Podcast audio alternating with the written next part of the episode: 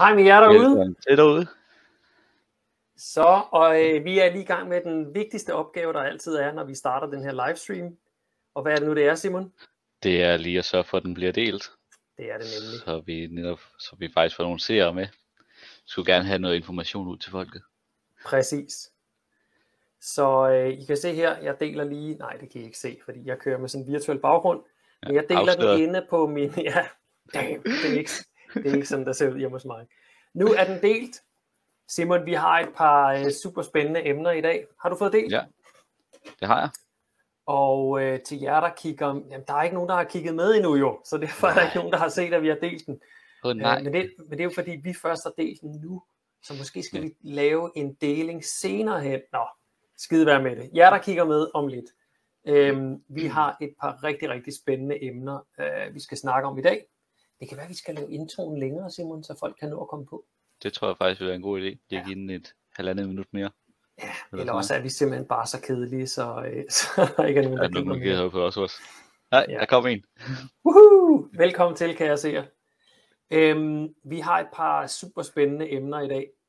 Øhm, kan du løfte sløret for nogle af dine? Jamen, jeg kommer, eftersom jeg stadig er heroppe på færøerne, så tænker jeg, det var rigtig spændende også at tage lidt fat i fiskeopdræt. Mm-hmm. Mm. Øhm, så jeg kommer til at tale lidt omkring det, hvordan fiskeopdræt fungerer rundt i verden, og så dykke lidt mere ned i, hvordan vi gør det i Danmark. Ja. Spændende. Øhm, ja, og så kommer jeg til, lidt ind på, øh, hvad der lige sker med hensyn til vores lavbundsjord, Mm. og Ja. hele den kavalkade, der sker der. Kavalkade. Jeg ved ikke, om det er det rigtige ord, men øh, det var det, jeg brugte. ja. øh, jeg kommer til at snakke om en ny rapport fra World Wildlife Foundation. Det er svært at sige. Øh, Verdens Naturfonden. Øh, de har kommet med en ny rapport, som, hvor headline den er simpelthen, at EU æder verden. Og det er fordi, vi simpelthen har så massiv en fødevare import til, øh, til EU. Øh, og ja, jeg skal ikke fortælle det hele nu, men, men det bliver altså, det, det, er, det er lidt af en cliffhanger i hvert fald. Det er Øh, og så- emne. Og så skal vi jo øh, slutte på noget, noget godt, og det er, at øh, prisniveauet på kultiveret kød, det kommer altså til at møde øh, markedsprisen på, på animaler, almindelig kød, eller animalsk kød, øh, inden for få år. Så det kommer vi lige til at tage en, øh, en lille runde på til slut. Til jer, der kigger med nu, vær sød lige og del videoen, fordi så er der flere, der kan komme ind og blive klogere. Og øh, skriv endelig alt, hvad I har af kommentarer, spørgsmål og andet, øh, sådan så vi kan tage fat i emnerne undervejs. Simon, øh, skal vi ikke kaste os ud i det? Lad os det. Jeg tror, du har det første emne, så take it away. Jeg har simpelthen øh, strategisk lagt mig ind som første emne. Det Øh, starter hårdt ud med EU æder verden. Det er en vild overskrift. Og, og altså, det er jo ikke engang en overskrift, som jeg har fundet på. Det er vidderligt øh, Verdensnaturfonden, som kom med den her konklusion her. Og med de tal, jeg har set i rapporten, øh, som vi jo ikke lige bør linke til øh, her. Det kan være, du lige kan gøre det, mens jeg, øh, mens Det jeg fortæller. lige hurtigt, hva'? Øhm, ja, altså som sagt, vi skal igennem øh, EU's øh, enorme fødevareimport og meget lille fødevareeksport. Så snakker Simon om fiskeopdræt. Vi skal lige runde lavbundsjordene, hvad status er der. Og øh, så er der altså godt nyt fra LabMeat-segmentet, øh, og hvordan det kan redde både miljø, klima og i sidste ende dyrene. Øhm, det er sådan, i her i EU, der er vi en kæmpe, kæmpe stor fødevareproducent. Øh, det kan man ikke benægte, og hvis man kigger på de rå tal for eksport, og det skal vi huske på her, det er altså de økonomiske tal, så øh, eksporterer EU for langt mere, end vi importerer. Men der er en skyggeside, og der er noget, som de her tal her, de dækker over. Og det er, at vi importerer i EU, der importerer vi rigtig, rigtig mange naturressourcer, som jo oftest har en, øh, en meget, meget billig pris. Altså råmaterialer, som du lige kan grave op af jorden, eller pumpe op af jorden, eller fælde, eller hvad det nu er. De har som oftest meget, meget lave priser. Og det vi så gør i EU, det er, at vi importerer alle de her øh, naturlige øh, ressourcer, eller naturressourcer hedder det, ikke naturlige ressourcer. Øhm, og så forædler vi dem, altså vi, vi, vi laver et, øh, et, et, et dyrere produkt i virkeligheden ud af det, som vi så eksporterer en del, del af. Og det er så derfor betalingsbalancen, øh, økonomisk hvad der kommer ind, kontra økonomisk hvad der kommer ud, der ser det ud som om, at vi i EU bidrager til resten af verden. Men hvis man kigger på mængderne, og her, når det for eksempel er fødevarer, så er det super vigtigt at kigge på protein og på øh, kalorier. protein, jeg synes, den er overrated, fordi vi mennesker, vi skal bruge, øh, vi skal bruge protein, vi skal bruge fedt, og vi skal bruge kulhydrater. Og øh, alle tre har i min bog lige høj værdi. Vi har det der ensidige fokus på, på protein som værende super kritisk. Øh, det er det ikke, fordi øh, spiser man almindelig mad i, og får, får man nok kalorier, så får man også nok protein. Men altså udfordringen det er, at vi i EU rager til os, og her der har jeg taget nogle af de ting øh, med. Hvis vi starter fra oven i venstre side, altså land resources, vi, øh, vi importerer rigtig, rigtig meget, særligt soja, men også sådan noget som palmeolie. Og der bruger vi altså landområder rundt omkring i verden.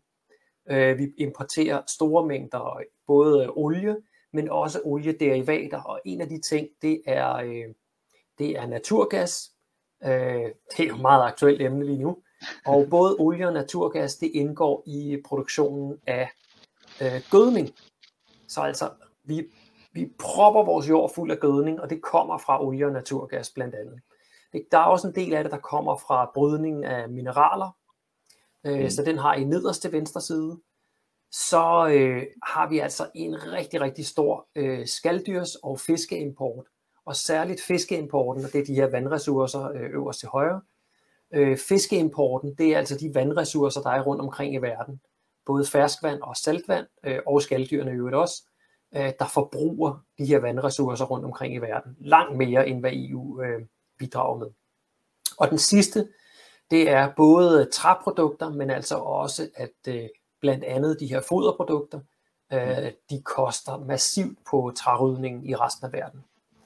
Så altså, jeg, jeg, jeg mm. kan huske, øh, jeg så på et tidspunkt, jeg tror det var for, for et par år tilbage, hvor at øh, lige præcis omkring træproduktionen, at fordi Europa ligesom var efter øh, Brasilien med hensyn til at fælde regnskov, mm. så øh, kom den rap tilbage med, jamen I har jo fældet alt jeres skov.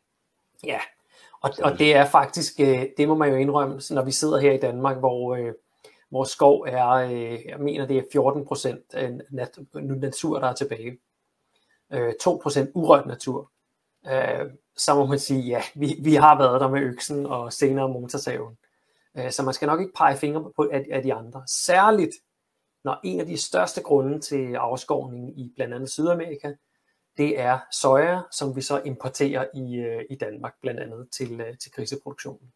Så det er, sådan, det er lidt dobbeltmoralsk at sige, I skal lade være med at fælge jeres skov, men i øvrigt så sælger os lige al den soja, I producerer, der hvor I havde skov før. Det, det går sgu ikke. Nå, men altså det store øh, kerneproblem her, det er, at vi importerer enorme mængder ressourcer fra resten af verden, og så konverterer vi det til nogle dyre produkter, som vi selv forbruger, og lidt af det eksporterer vi for, for den her høje sum. Så EU er altså denne her netto set, så er EU et sort hul for fødevarer. Det vil sige, at vi i gåsøjne æder øh, resten af verden og skaber i virkeligheden ubalance og, og fødevareproblemer på den måde. Vi kan lige se her, det er lidt småt, men øh, det, noget af det allerstørste, vi producerer, det er altså frugtnødder og krydderier i økonomisk værdi så er det oil cakes, som det hedder. Øhm, og det er det kan være blandt andet soja, øh, soja cakes, altså øh, restprodukter fra, fra, fra olieproduktion, hvor man så har de her oil cakes, som er noget organisk stof bundet sammen med, med olien. Øh, og det bliver typisk brugt som øh, til foder. Det er kaffe, te, det er palmeolie, og så er det sojabønner. Og så er det 65% alt muligt andet, vi eksporterer. Og ja. altså hvis I kigger allerøverst, så har det en værdi af 120 øh, milliarder øh, euro. Øh, det, ja, det er et spørgsmål om det. Jo, det må det være. 100 milliarder euro. Jeg ved ikke lige, hvorfor, det, hvorfor der er et N. Ah, det er bare billion. Så det er ja. milliarder. Øhm, så øh, eksporterer vi igen for 184. Det vil sige, der er altså 62 milliarder som øh, i overskud på den her balance her.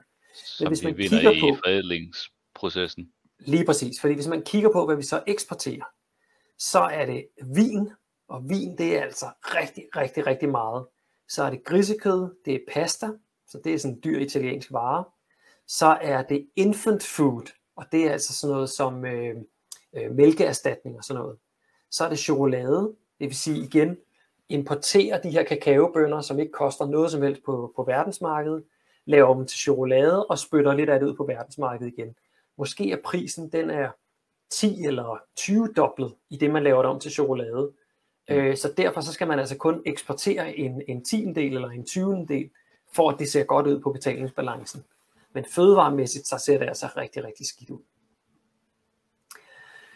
EU er simpelthen den øh, største, eller den næststørste importør af tropiske afskovning. Hvis vi kigger på den allerstørste, så er det Kina, men vi ligger altså i, i EU, der ligger vi lige bagved. Og det skal altså lige siges, at øh, Kina har jo 1,2 milliarder, så vidt jeg husker det sidste tal, øh, ja. 1,2 milliarder indbyggere. Det kan godt være, at det er blevet 1,3 siden sidst jeg tjekkede. Øh, og i EU, der er vi 300, er det 380 millioner. Øhm, noget i den stil, så vi er altså befolkningsmæssigt, eller per indbygger, der er vi altså de, dem i verden, der, øh, der afskover mest. Øh, virkelig, virkelig skræmmende, skræmmende øh, statistikker her. Og man skulle det, tro, det ellers øh, ville være USA. Det er sådan lidt ligesom det der med, at man ofte kæder ressourceforbrug sammen med, med klimaforbruget, fordi de her statistikker, de vil jo se øh, i, hvert, i hvert fald med hensyn til EU's andel, så vil det jo nok se ret meget ud af det samme, når det handler om klima, klimagasser. Mm. Man skulle tro, det var USA, men det er simpelthen fordi USA har så meget landbrugsjord, så de kan dyrke en stor del af deres øh, foder selv. Mm. Øh, jeg havde ellers regnet med, at de faktisk havde en kæmpe stor import, men øh, USA har faktisk en rigtig stor sojaproduktion selv. Mm. Så soja og majs, det er det, de, de, de primært bruger i deres øh, animalske produktion og det kan de åbenbart klare en stor del af det selv. Så EU, fy fy skamme.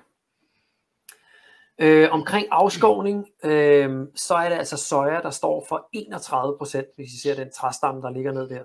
31 procent af den tropiske afskovning, det er øh, den sojaimport, som, øh, som EU importerer.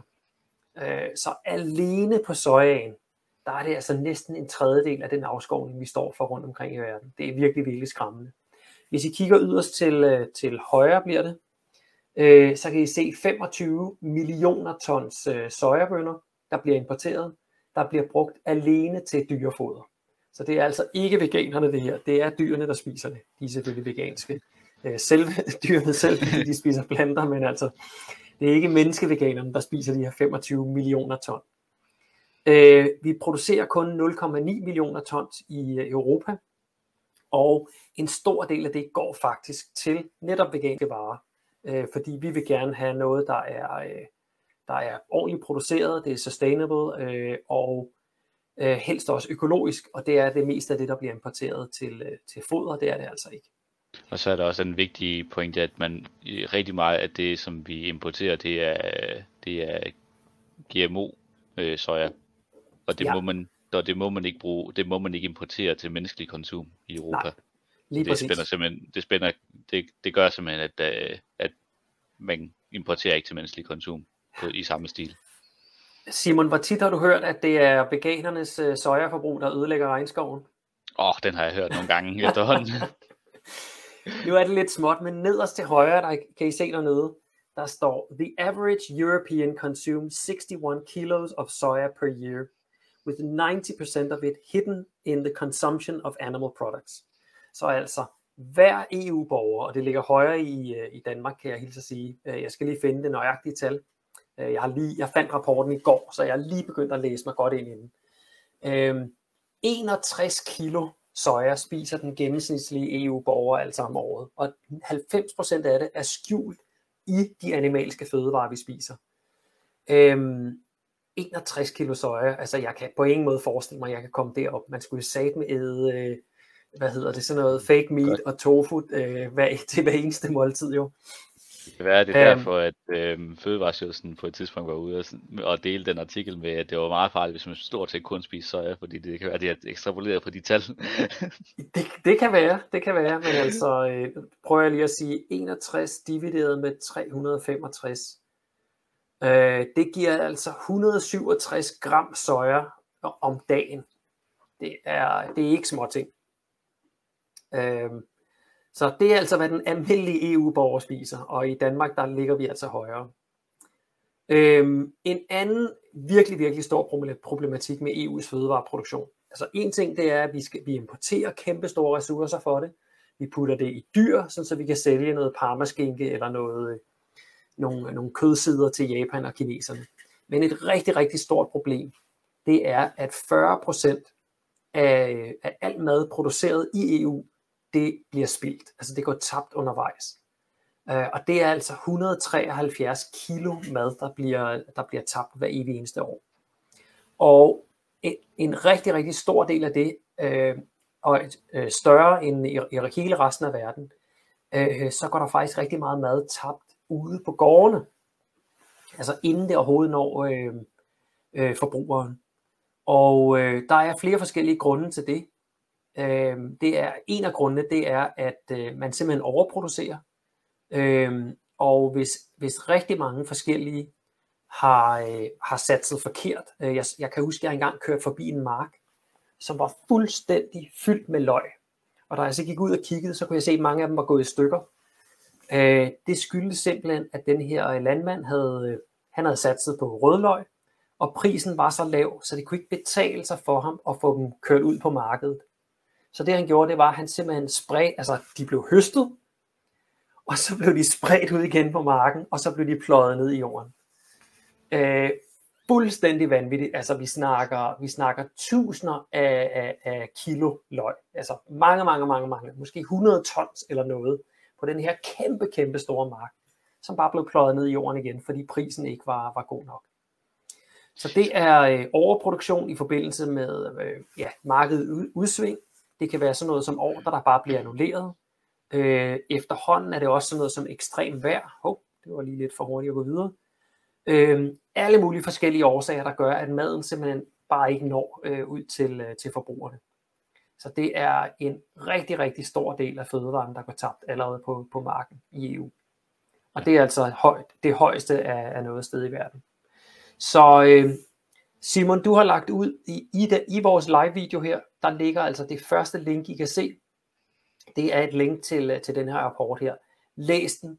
Den er virkelig fuld af, af rigtig god information, og den holder sig lige under 20 sider, så vidt jeg husker. Så den er, altså, den er relativt nem at få overstået. Og så er der masser af god grafik, som vi kan se her. Fantastisk. Ja, vi er i EU simpelthen nødt til at lave vores fødevaresystem om, fordi vi skader resten af verden med vores forbrug. Det er den korte udgave af, af rapporten. Og det er, sådan, det, det er helt vildt at tænke på, øh, for meget det her det spiller ind, fordi at vi jo netop står i en situation, hvor at på grund af klimaet går den vej, som det går, så øges øh, forsyningssikkerheden, eller den, den øh, vi mister forsyningssikkerhed mm. i den forstand, at der kommer til at være flere ekstreme vejrfænomener, og der kommer til at være et generelt mindre udbytte på grund af højere CO2 i, øh, i atmosfæren. Fordi ja. man simpelthen mister rigtig meget udbytte øh, for hver temperatur, der stiger. Lige præcis. Ja, de, de siger faktisk, at øh, mere CO2 kan godt give højere udbytte, fordi planterne ja, det, bruger CO2'en. Ja, men, men temperaturen det, gør, at vi får lavere udbytte. Ja. Ja, ja så men vi, også, øh, ja. vi, der er også noget vi, omkring... Øh, vi står med, med nogle fremtidige til, problemer.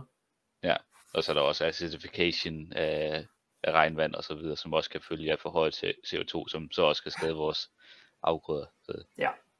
ja, det er noget hø, for at sige det mildt. Ja. Lad os komme videre med, øh, med nogle flere nyheder, Simon. Yes. Øhm, og det, det her ja. det er som sådan ikke en, det er som sådan ikke rigtig en nyhed, øh, mm. hvis jeg lige kan bringe slidesene op igen. jeg har, jeg har øh, taget et kig på havbrug. Det er et emne, som jeg ikke har dykket så meget ned i her, indtil her for nylig. Øh, men i, øh, en del af kostrådene, det er jo, at de stadig holder fast i, at vi gerne skal spise fisk, fordi at mm-hmm. der er en, en relativt nemt tilgængelig måde at få dækket sit øh, omega-3 fedtbehov. Øh, og så er det også i forhold til andet kød øh, mere klimavenligt. Mm. Så jeg har simpelthen prøvet at lige kigge på, hvad er situationen egentlig med hensyn til ak- aqua, det, man kalder akvakultur. Ja. Øh, hvor man avler fisk. Øh, fordi det ofte bliver taget som en, øh, en mere klimavenlig måde at få fisk på, eller i hvert fald noget mm. Ja, eller protein, som vi jo går så meget op i. Ja. ja. Øhm, så situationen er i Danmark, at vi har omkring 20 øhm, havbrug i Danmark, altså store, sal, øh, ret store saltvandsproduktioner. Øh, øh, og i Danmark der producerer vi øh, næsten udelukkende øh, regnbuer. Mm. Øhm, og det er også det er en, en fisk, som kan både spise kød og spise planter. Det er primært en, øh, en kødende fisk i sit vilde habitat, men vi har fået mod at lave en fodersammensætning, som er en lidt en blanding. Men lidt ligesom vi snak, snakker omkring forsyningssikkerhed og konverteringsrater, så render vi ind i nogle problematikker omkring, øh, at altså, de snyder ikke fødekæden bare fordi det er fisk. Mm. Så vi, vi mister stadig en hel masse næring på, på, i den her proces, ligesom du snakker omkring i, med forbindelse med den her rapport. Ja. Så plads, øh, vi har en 6 havbrug, eller en 20 havbrug delt ud på, som alle sammen ligger sådan spredt rundt i havet øh, omkring, øh, ligesom i øh, Lillebælt og Storebælt, mm-hmm. og det omkringliggende hav der. Og så er der nogle, der er faktisk ret stor stemning om at udvide den her produktion. Mm. Øh, og derfor har jeg taget noget udskæring, som man kan se på det andet billede, hvor der ligesom er lavet nogle zoner øh, ud fra blandt andet Djursland og så til nord for Sjælland. Og for hver af de der zoner, så er der udskåret til, at man kan u- udlede øh, 100, 100 millioner ton øh, 100, ja, hun, jeg, jeg kan ikke huske, om det var bare 100 ton, men det var i hvert fald en masse kvælstof, man kan udlede i det, som de ligesom reserverer til at kunne udlede fra øh, havbrugene her. For det er jo netop en af de problematikker, som er ved at producere så mange fisk i et område. Det er, at man koncentrerer okay. en, en masse øh, udledning i mm. det område. Ah, så lidt ligesom når man har, øh, når man laver ansøgning om at lave en svinefarm. Lige præcis. Øh, så skal man lave det her med, hvor meget belaster det nærområde. Så har de simpelthen yes. lavet nogle zoner, hvor i det nærområde, der må der belastes med så og så meget. Yes. Hmm. Øh, der er rigtig meget politisk velvilje om at, at udvide øh, fiskeproduktionen. Mm-hmm. Og det har man gjort, kan jeg hilse at sige. Øh, jeg har lige været inde på, hvor er dyrene.dk og tjekke. Og øh, ud over de 20 dambrug, som du nævner, som jo er i havet, mm. så er der 127 på land. Og det er ja, altså alene, det er alene med laks. Så er der faktisk ja. også med en del andre arter. Øh, hvor er dyrene.dk? Yes. Og lige præcis dambrugene, de, de hænger nemlig rigtig meget sammen med de her havbrug. Øh, vi har cirka 175 øh, stykker dambrug. Ah, og de er, der, ja. yes, og de er faktisk alle sammen placeret i Jylland. Øhm, de producerer cirka, de producerer cirka 28.000 ton fisk. Og det er rigtig meget også øhm, regnbuer, både til hvor de producerer bare ganske små, som ikke bliver særlig gamle, øh, før de bliver til et eller andet form for produkt.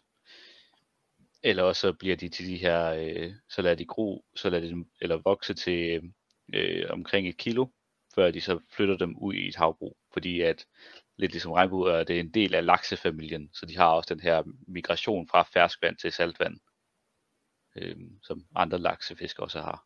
Mm-hmm. Øh, og så fandt jeg et uddrag fra en artikel på, i Weekendavisen, hvor at øh, de netop snakker omkring, øh, hvorfor, hvis der er så meget politisk vilje for at udvide fiskeproduktionen, hvorfor, er der, hvorfor sker der så ikke mere?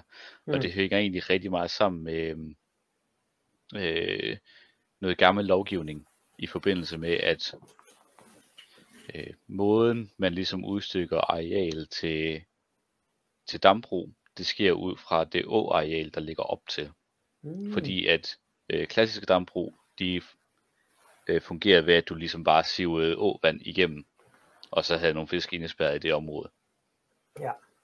Øh, hvor at nu der dambrugene så bliver lidt mere detached fra åerne. Øh, så derfor så er der rigtig meget lobbyarbejde i gang for at prøve at få ændret den lovgivning. Øh, og så er det ganske enkelt bare ikke en prioritet for politikerne om at ændre den her lovgivning, på trods af, at der er velvilje mod det. Hmm. Det er, egentlig, det er lidt skræmmende, ikke? fordi det er lidt ligesom øh, i gamle dage, i godsøjen, i gamle dage, der var en svinefarm, det var jo øh, det var nogen, der boede et sted, hvor de havde nogle bygninger med nogle grise i. Men det er det jo ikke længere. Nu er det de her satellitbygninger, der bare bliver lagt et eller andet sted på en mark, og så kan der være ja. 5.000 grise inde i sådan en bygning. Ja. Lidt det samme her i virkeligheden. Altså, de, vil jo gerne, de vil jo gerne ligge i nærheden af noget vand, fordi det, så kan man nemmere få det vand, man skal bruge til fiskene. Ja. Men, øh, det, men, det men egentlig så, så kan de jo bare stjæle vandet, øh, ja. og så lede det tilbage igen.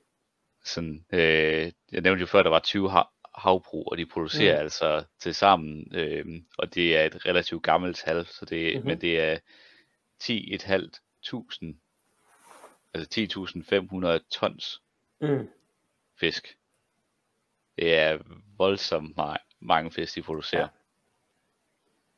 Så og, det er og hvor meget, meget, var der meget, i, hvor meget var der dam, i landbrugene der? Dambrugene, de producerer så øh, 28.000 tons. Ja, okay, så det er, hvad er det, det, er, det er lige omkring tre gange så mange, men det er til gengæld, hvad er det, otte, otte gange så mange dambrug. Ja. Så de havbaserede, de har virkelig en, øh, en høj produktion i forhold til.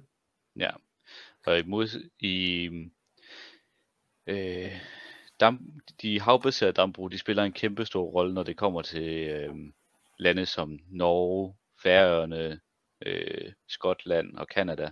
Øh, og Chile bevæger sig også i en, laver også store ydelser på det her område. Øhm, og i de, de står med en hulens masse problematikker omkring specielt øh, sådan, øh, noget, der hedder lakselus. Mm-hmm. Hvilket gør, at øh, hvilket er nogle parasitter, som, som hopper på de her laksefabrikker. Og det bekæmper man så med alskens øh, vilde øh, kemikalier. Og nice. Pest, ja, altså be, stor, øh, jeg læste en, en ret lang øh, rapport, som øh, var kaldt øh, the, the Silent Spring of the Sea. Mm. Så øh, hvis man er bekendt med DDT, tror jeg det hedder, det materiale, som man brug, fandt, fandt ud af om i omkring 2. verdenskrig, mm-hmm. så, hvis jeg kan huske korrekt. Ja, det er så, rigtigt. Så, så fandt man frem til de her pesticide, pesticideværktøjer, eller pesticidekemikalier, som man begyndte at bruge, fordi man så det som et mirakelstof, så man mm. spredte det overalt, og det gjorde så, at der var en kæmpe stor biodiversitetskollaps, øh, øh, hvilket ledte til den her idé om, eller den her øh, omtale omkring det som et silent spring, fordi der var ikke insekter, det, eller der var næsten ingen insekter det forår, ja. hvor man havde brugt det her så meget. Ja, det gjorde så, at fuglebestandene kollapsede, så der var ingen fuglefløjt i luften. Ja. Øhm, og det man simpelthen gør i de i rigtig meget, ikke så, lige så meget i Danmark, men rigtig meget i andre lande, fordi mm. Danmark har ikke det samme lakselusproblem, på grund af, at vi har andre havforhold.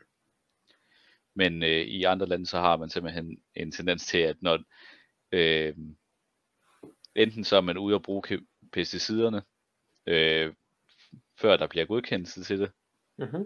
Og så ændrer man så, når der så bliver, når der kom, man kommer frem til, at man kan ikke godkende det her stof, så bruger man så et nyt stof, og venter på, at der, kom, at der kommer en afgørelse igen. Eller også, øh, det, og sammen, den skal jeg lige have igen, det vil sige, fordi så, man bruger nye stoffer, som ikke, ikke er godkendt endnu, ja, så, kan man, så, kan man bruge løs, indtil de så bliver forbudt, og så finder man et andet stof, der endnu ikke er forbudt. Yes. Okay, fantastisk. Og det er simpelthen fordi, at lovgivningen det bevæger sig så utrolig langsomt på det her mm. måde.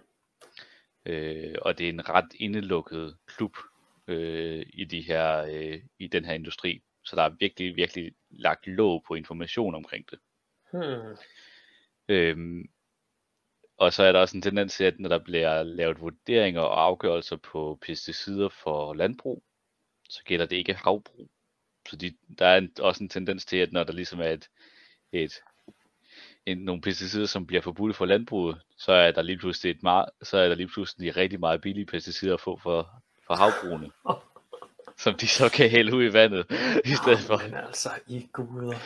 Og, altså rigtig, rigtig meget begrundelsen er ofte for, for de her pesticider i landbruget, de ikke skal bruges mere, det er for at beskytte havmiljøet. Mm.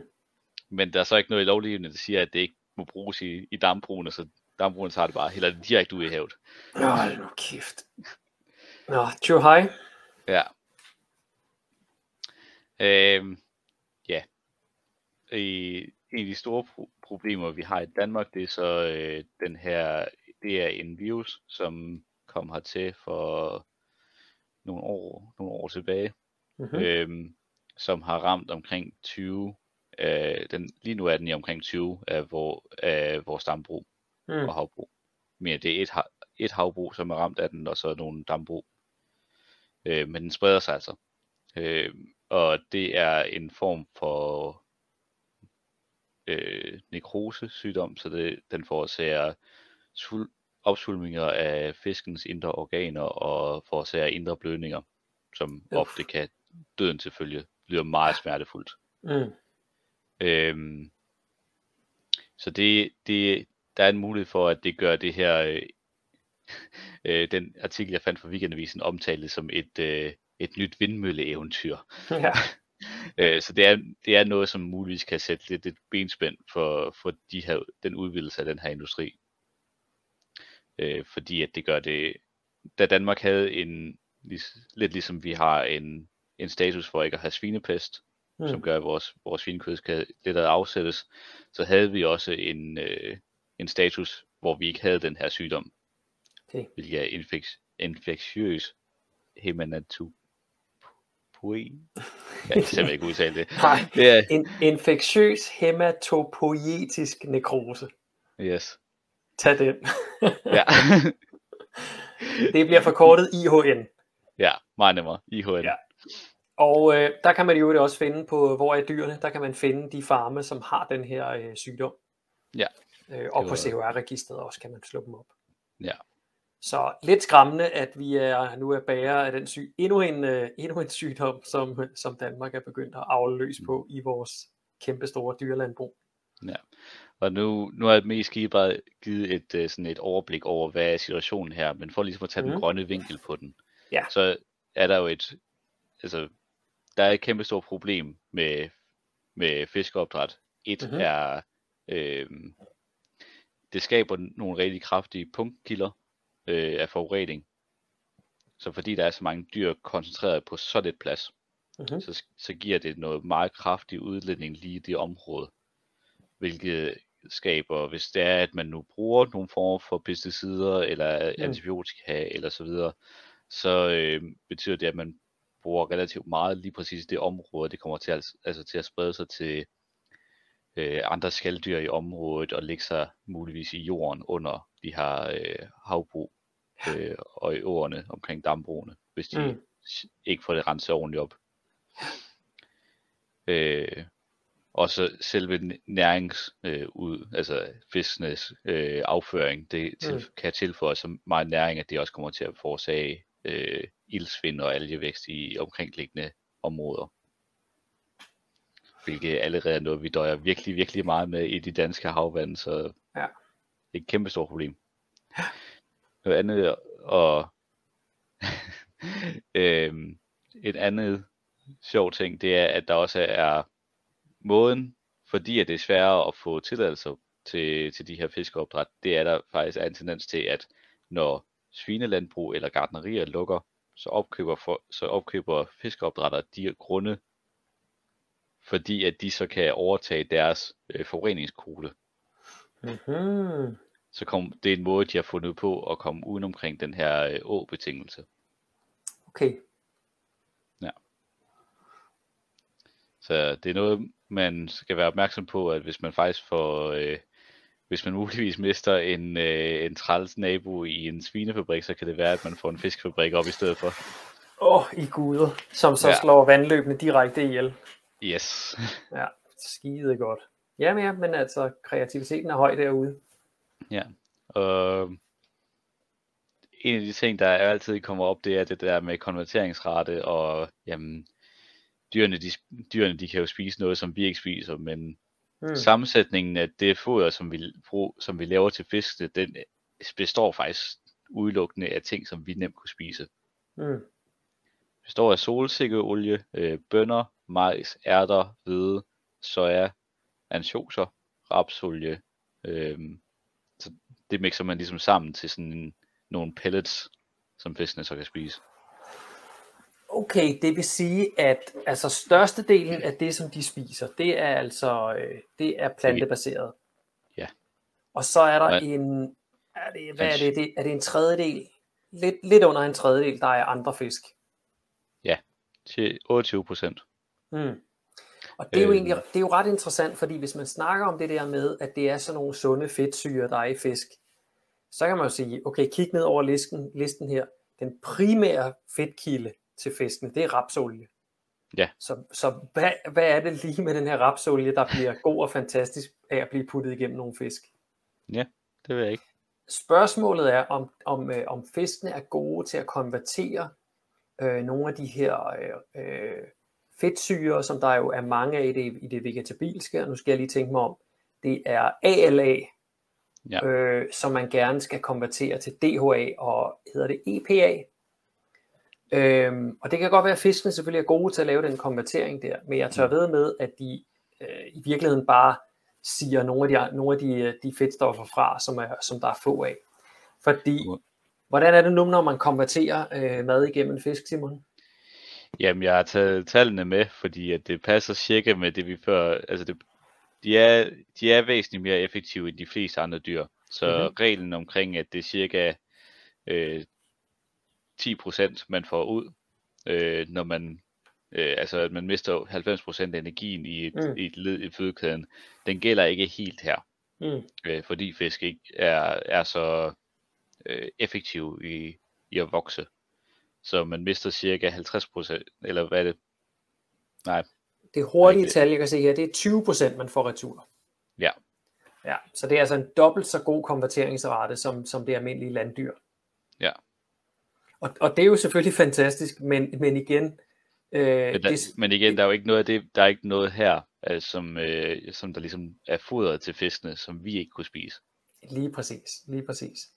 Og, og et kæmpe problem her, altså udover at øh, der skal øh, plantes nogle solsikker, noget bønner, noget majs osv., men ansjoserne, har du noget om det som selvstændig problem?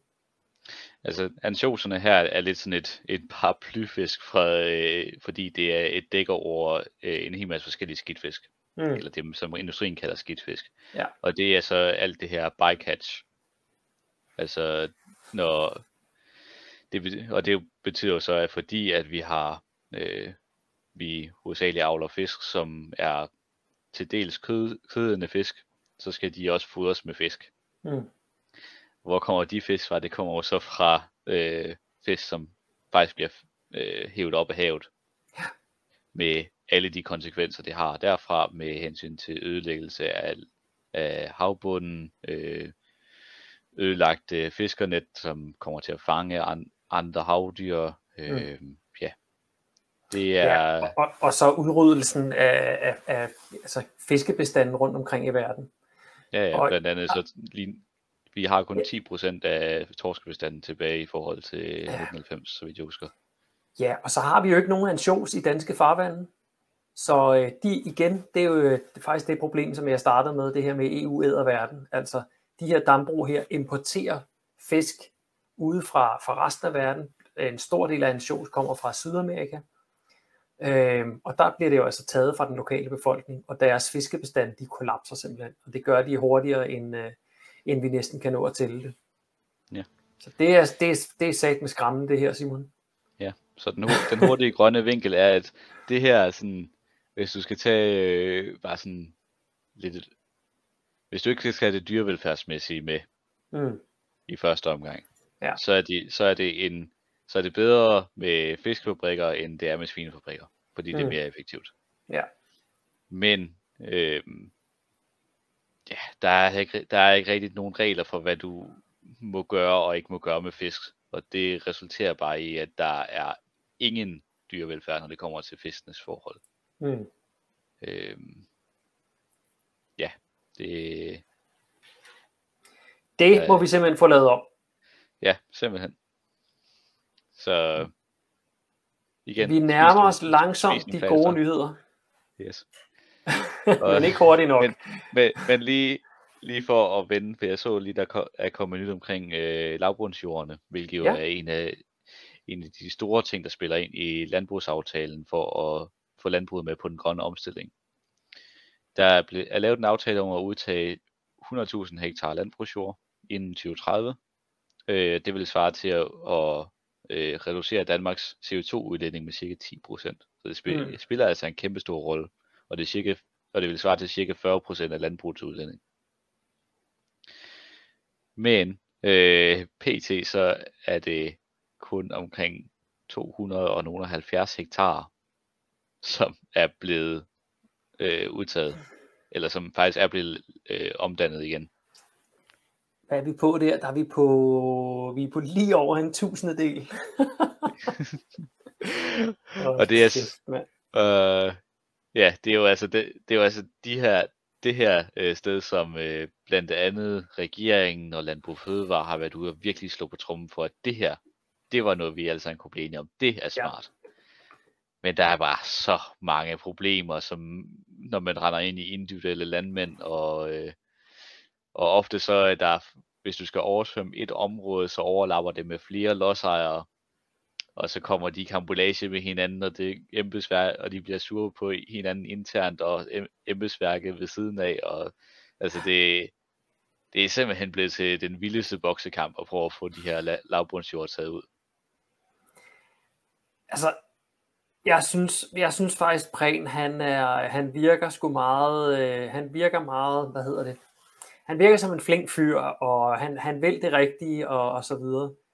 Men altså, alle stod og sagde, da den her landbrugsaftale blev underskrevet, at vi har snakket om, øh, om de her lavbundsjorde i årtier, og der sker ingenting. Ja. Øh, ja, jeg kan se tallet er 287,25 hektar ja. ud, af, ud af over 100.000, der var planen. Ja. Jamen, det, ja, det, er 100.000, det er 100.000, der er planen. Vi har ja, 171.000 lavbunds, hektar i lavbundsjord i Danmark. Jamen altså. Hold kæft, mand. Og, gru- og grunden til, at de her lavbundsjord, de, spil, de vil spille en så stor rolle, det er fordi, at når du oversvømmer det her område, så mm. øh, er det noget jord, som virkelig kan suge til sig af CO2. Mm. Øh, så lidt ligesom at søg, øh, søgræs er en kæmpe stor CO2-suger, så det, den plantevækst, der kommer til at være i det her lavbundsjord, øh, er en kæmpe stor svamp for CO2. Som pt. Ja. så bliver udledt hver eneste gang, der bliver plovet på dem. Så derfor Lige så præcis. Både... Og problemet er netop at det her med, at, øh, at pløjningen og det, at det er tørt og vådt og tørt og vådt, det gør, at, øh, at mikroorganismer omsætter det organiske materiale og frigør det som CO2 og metan osv. Ja. Så det skal bare det skal lukkes ned med noget vand, øh, så det yes. kan blive der, og det kan fange noget mere CO2. Simpelthen. Og øhm, lige, lige omkring det der med, ja, jeg plejer også at sige, at jeg, vil sige, at Rasmus Prehn er nok en af de mest progressive øh, landbrugsminister, vi mm. har haft. Men med forgængere som Esben Lunde Larsen og Eva Kjær, så er barn virkelig sat lavt. ja, altså jeg synes lige, vi skal have dagens bedste kommentar på, øh, på ind her. Øh, Tue Nielsen skriver, hvorfor fatter dem med magten ikke noget? Har du et godt svar på det, Simon?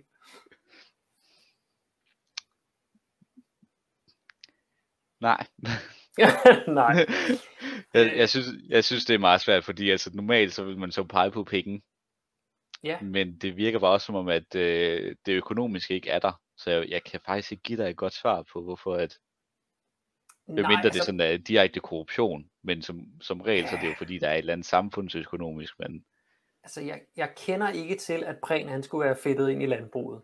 Nej. Så jeg tror simpelthen, øh, jeg tror simpelthen, hans udfordring, det er, at han er naiv. Han er simpelthen bundnaiv. Han har ikke siddet i en, øh, en landbrugsforhandling før.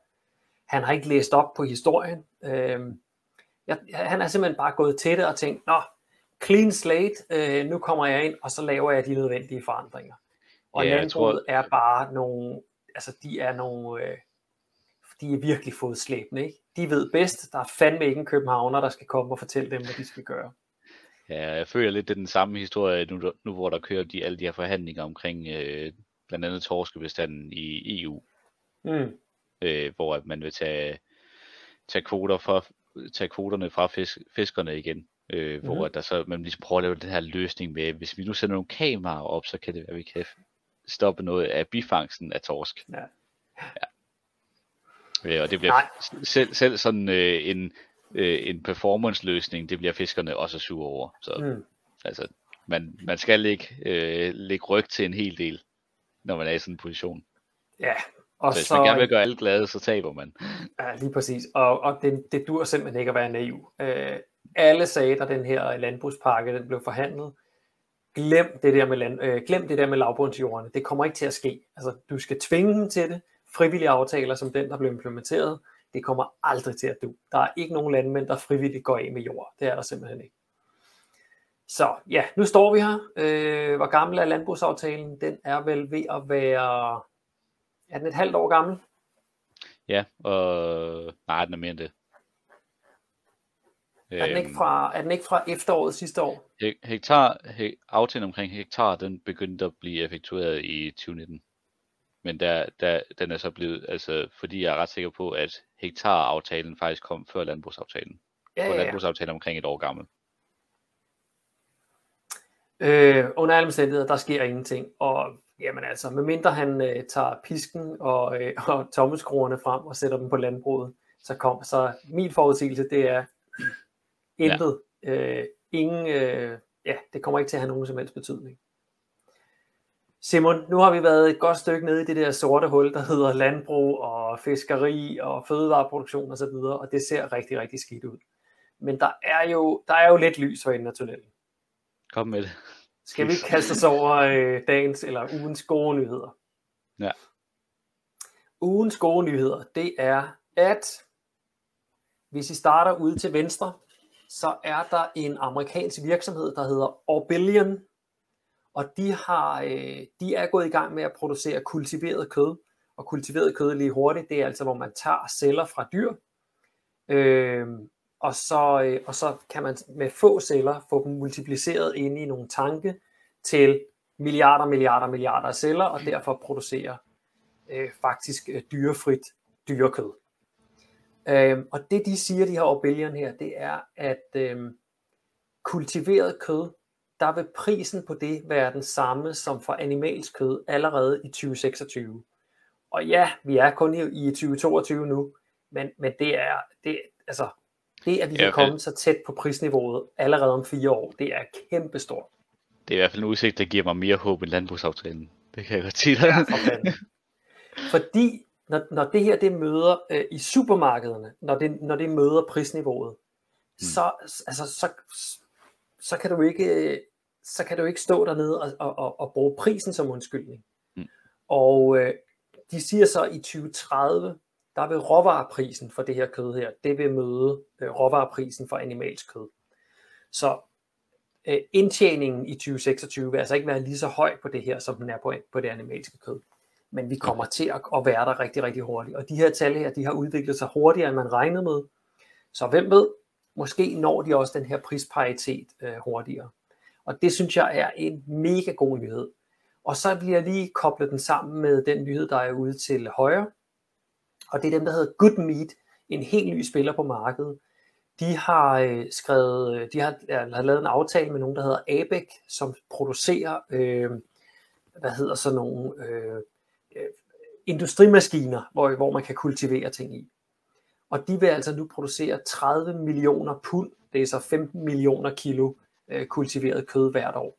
Og de vil være klar til det. De, de, de første øh, øh, industrianlæg, de vil allerede være klar senere på året.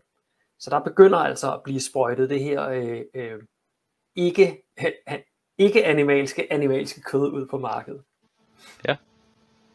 Der er, der er en masse bekymringer omkring det her, og dem har jeg altså lige taget med. Øh, hvis man går ind på Good Meats øh, hjemmeside, så er der nogle af de spørgsmål her, som de fleste, hvad enten man er veganer, vegetar eller almindelig kødspiser, hvad, hvad er det rent faktisk det her? Og det første af dem, det er selvfølgelig, er deres produkter veganske eller vegetariske? Og der er svaret, nej, det er det ikke. Altså det første produkt, de har allerede fået det godkendt i, øh, i Singapore. Deres første produkt, det er kyl, kultiveret kylling. Og øh, det, er, det er dyreceller, der bare er kultiveret. Det vil sige, som sådan er det jo ikke vegansk eller vegetarisk. Men rent etisk set, så kan man faktisk godt for, for, øh, man godt kunne forsvare at spise det som vegetar eller, eller veganer. Fordi der har jo ikke indgået dyr i det. Og så alligevel ikke helt. Øh, fordi jeg var, jeg var lidt interesseret i, hvor meget har der indgået dyr i det her. Øh, og der har de nogle forskellige øh, svar her. Øh, den i midten, er der nogensinde en fugl, der er blevet slagtet for at øh, få den her celle, øh, cell line, som de kalder det, altså den her øh, cellekultur, som nu er blevet godkendt i Singapore? Og der er svaret nej, ikke en eneste. Så det de har gjort, det er altså, at de har gået ud til en levende kylling, og så har de taget en biopsi, altså en vævsprøve. Og det, okay. det, det, det er højst sandsynligt smertefuldt, men det er meget, meget midlertidigt smertefuldt.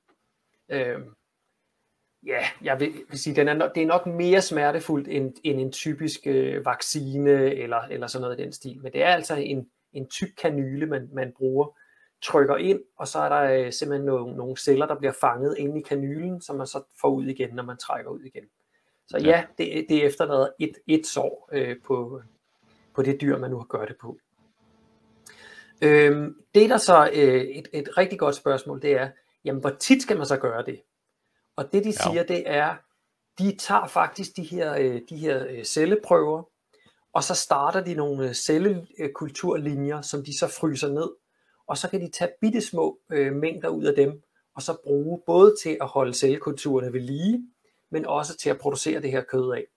Så ifølge dem i hvert fald, så, kan man, så er der ikke nogen begrænsning på, hvor meget kyllingekød man kan producere ud fra de her få prøver. Okay. Og der må man jo så sige, på et eller andet tidspunkt, så må man jo, så tænker jeg, så må vi egentlig betragte produktet som værende vegansk. Ja. Fordi når du, når du er 10 år nede, så kan det godt være, at du har lavet en celleprøve på et eller andet tidspunkt. Men 10 år senere, så, så er du jo så langt væk fra den celleprøve, at ja, så, så, kan man jo, så kan de sprede de her cellekulturer til hele verden. Man kan producere uanede mængder af kyllingekød, og der er ikke en ny kylling på noget tidspunkt, der skal lide. Ja, fordi min, min frygt har altid været en lille smule det der med, at vi skulle igennem en fase, hvor at, at der var nogle dyr, der skulle prikkes i rigtig, rigtig meget, og have det virkelig, mm. virkelig dårligt. Øhm, ja. For ligesom at gøre det her effektivt. Altså at ja. de så havde færre dyr, men at der så var nogle dyr, der skulle lide mere. Øh, Lige præcis. La, lad os bare sige, at man, man skulle have en gård med 10 kyllinger. Ja. Og, og det kan godt være, at det ikke er meget, men, men det er stadig 10 dyr, der så skal leve øh, indespærret, og sikkert også ret klinisk, og det ene og det andet og det tredje. Ikke? Men altså ifølge dem her, så kan de altså, så tager de prøven en gang, og så kan de simpelthen holde den kørende derfra. Okay. Det synes jeg var ret, ret spændende og ret betryggende at læse. Øhm, og så var der lige en øh, lige igen til, øh, hvis der er nogen af jer, der sidder derude og rent faktisk spiser kylling, så er det sådan, at kylling, det er det mest spiste øh, animalske produkt, og det er i øvrigt også det, der, der er det hurtigste voksende øh, behov for. Og kyllinger, de spiser mere mad øh, sammenlagt end noget som helst andet landbrugsdyr. Så kyllinger spiser mere mad end nogen som helst andre landbrugsdyr. Det er en tredjedel af jordens øh, isfri landmasse, øh, og i øvrigt en masse regnskov, øh, der simpelthen bliver brugt til at producere mad til de her kyllinger her. En tredjedel af vores, af vores isfri landmasse, der bliver brugt alene til at producere mad til kyllinger. Det er fuldstændig mindblowing. Det Kyllinger er, er jo ikke det dyr, der er flest af på jorden. Ja, det vil jeg godt tro på. Det er også ja. sådan, hvad er det? Danmark er jo kendt for at være en kæmpe stor øh, svineproducent. Mm. Øhm, og det er vi også. Men ja. i stedet så er det, vi har omkring, svinger lidt omkring 30 millioner øh, svin om året. Men det er jo sådan noget 160 milli- millioner fjerkræ, vi producerer om året, altså hvor langt det lige er høns. Det er sådan ja. helt mindblowing, hvor mange, hvor, hvor mange kyllinger, der bliver produceret.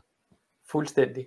Det var altså, lad os lige spole tilbage. Så dagens gode nyhed, det er altså, at uh, kultiveret kød, det kommer altså til at møde prisniveauet for animalsk kød inden for en ganske kort overrække.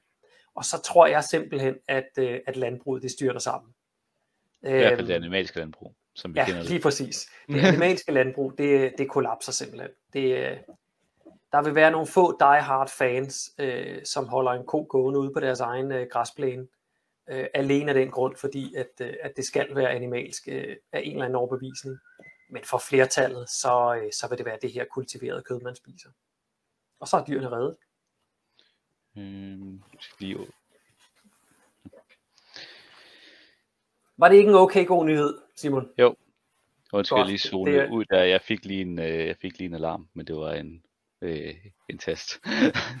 og øh, Simon, fortæl lige, hvor sidder du hen i verden? Jamen, jeg sidder på Færøerne, og mm. øh, det det gør jeg, fordi at øh, jeg er afsted øh, som øh, frivillig for Sea Shepherd i de her uger. Og hvorfor er det? Jamen det er fordi, at øh, på færgerne, det er en af de nationer, som stadig slår valer ihjel. Mm. Øh, og det sker... Øh, kan du huske, hvilke nogen vi har tilbage efterhånden? Men det er Japan. Island er ved at udfase det. Mm. Øh, men de har to år tilbage. Ja. Øh, Færøerne. Og Norge. Norge, ja. Ja. Og så kan jeg ikke huske, om der er nogle sydamerikanske lande. Øh, men det er altså meget, meget begrænset. Det, det kan tælles på få hænder, hvor mange lande, der, der stadigvæk slår, slår valer ihjel. Ja. Så øh, mit arbejde heroppe, det er, at øh, hvis jeg får øh, en alarm, så jeg og en masse frivillige, vi rykker ud for at dokumentere øh, processen, mm-hmm. hvor de slår de her valer ihjel. Ja. Så, ja. Spændende, men også hårdt lyder det som. Ja, så vi, mens jeg har været herovre, så har, så har der været et, øh, et grint, som det hedder, mm-hmm. som er navnet for, for, når de er de her valer ind til land, ja. og så dem ihjel. Øhm, men det var simpelthen på en ø, som var så langt væk, at vi kunne ikke, øh, der var ikke nogen mulig måde for os at komme til den. Mm. Så jeg har ikke været ude og se det endnu. Og hvor længe har du tilbage på øerne? Jeg har en to uger tilbage. Okay. Ja, så chancen den er desværre relativt stor for, at øh, for at du når at opleve det. Ja, desværre. Men vi krydser fingre for, at det ikke sker. Både for, ja. øh, for din skyld, og også for de stakkels valers skyld. Ja. Vi, har ved, vi er ved at have brugt øh, tiden for i dag, Simon. En ting, som kunne, øh, lige for at følge op på øh, mm. din, din gode nyhed, så kunne det være rigtig spændende at finde ud af, hvad det er, de egentlig sådan fodrer de her celler, for de skal jo også have et eller andet at vokse af. Ja, det kunne faktisk være rigtig, rigtig spændende. Jeg sad lige og tænkte, fordi det er et stykke tid siden, det var, det var i sommer sidste år, det er ved at være et år siden, der mm. var lige pludselig en gut, der ringede til mig. Øh, det var dengang, jeg var i Veganerpartiet. Øh, han ringede til mig faktisk, mens jeg var øh, inde på, øh, på hvad hedder det der, en kultorvet og lave en, øh, en demo for dyrene. Øh, okay. Han ringede til mig, og så siger han, jeg har et, øh, et, et etisk problem. Og det er, at jeg arbejder for en dansk opstartsvirksomhed, som forsker i netop kultiveret eller lab meat. Og, og det er jo fantastisk, øh, men han havde det rigtig, rigtig svært ved, at måden de forskede, det var, altså de, de var ikke ude at tage, tage celleprøver, så vidt jeg husker. Jo, det må de også have været, for de skal jo bruge helt levende celler. De kan ikke bare gå i supermarkedet og købe noget. øh, det var en ting, men en anden ting, som han, som han sagde, det var øh, deres vækstmedie. Det var mm. faktisk, øh, det var animalsk, det som de her, de, øh, de vækstede i. Okay. Og en del af det, der blev brugt, det var det, der hedder øh, bovine serum, og det er simpelthen, øh, det er simpelthen noget serum, man trækker ud af, øh, af døde øh, kalvefoster. Ja. Øh, rimelig klart. Så, så ja. det her produkt, det vil på ingen måde være vegansk. Men hans spørgsmål til mig, det var i virkeligheden, kan jeg som veganer, øh, kan jeg forsvare at være i den her virksomhed, som på sigt vil komme til at redde millioner af dyreliv? Eller er det så uvegansk at gøre, så jeg egentlig bør, bør øh, melde mig ud? Og jeg havde ikke, jeg havde ikke et, et, et endeligt svar til ham, men jeg havde en masse overvejelser, han kunne gøre sig, og det var blandt andet, øhm, som den eneste etiker i virkeligheden den virksomhed her, så kunne han jo presse på, at de blandt andet udfasede det her bovine serum, altså mm. det her øh, kalveblodsekstrakt øh, i processen. Fordi hvis ikke der var andre, der egentlig bekymrede sig om dyrene, jamen så kunne de egentlig bare fortsætte med det her. Og så kan det godt være, at de vil redde en masse dyr, men de vil stadig være afhængige af en dyreproduktion øh, i deres færdige produkt.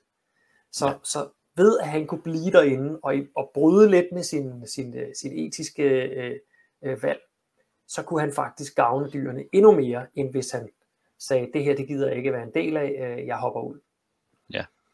Ja, jeg, øh, jeg kan ikke huske, om jeg har gemt hans nummer. Det kunne være, at jeg faktisk skulle ringe til ham en eller anden dag og lige høre, hvad fanden han besluttede sig for. Ja, det er altid et spændende det der, fordi det, vi ser jo så, man sidder så ofte i den her situation der, om man skal, mm. om man skal være en del af, af samlingen for at kunne påvirke samlingen, eller om man skal bruge sit statement i ikke at være med, som ligesom det, der skal være drivkraften i ens protest imod noget af det, der sker. Ja, det, er, det er altid en super svær øh, balancegang at gå, hvad der betyder mest. Hvad vil du gøre? Øh, altså nu lyder det som om, at øh, nu ved jeg ikke, hvad de her øh, Good Food bruger, mm. men det lyder som om, der var en mulighed, øh, altså der var en mulighed for at gøre det, andre, altså bruge et andet vækstmedie. Ja. Og så tænker jeg, at øh, vejen til at kunne skifte til vækstmedie er kort nok til, at jeg nok vil blive internt og, og skubbe på. Mm. Hvis, øh, hvis, jeg ikke, hvis der ikke var øh, nogen sådan vej at gå derfra, så kunne det godt være, at jeg havde gået noget whistleblower-vej i stedet for. Ja. Det er i hvert fald spændende. Jer, der har kigget med, skriv lige, hvad I ville gøre, hvis I arbejdede for en øh, virksomhed, der ville redde alle dyrene på sigt, men som lige nu brugte dyr i den produktion øh, for at nå der til. Vi runder af, Simon. Ja. Held og lykke op på færøerne. Tak for det. Og jeg glæder mig til at læse den der rapport, den, øh, rapport fra WWF, du har med. Det skal det, du gøre. Det bliver super spændende, så det ja, kommer lige det til at altså være enten natlæsning eller i morgen formiddag med kaffen. Ja. Sådan. Kan I have det til jer, der har kigget med i dag? Det har været en fornøjelse at præsentere de her emner for jer, og vi lover, at, øh, eller vi håber selvfølgelig, at der kommer bedre nyheder øh, til næste gang. Men det er desværre ikke altid sådan i den verden, vi lever i. Det er det. Ses derude. Hej hej.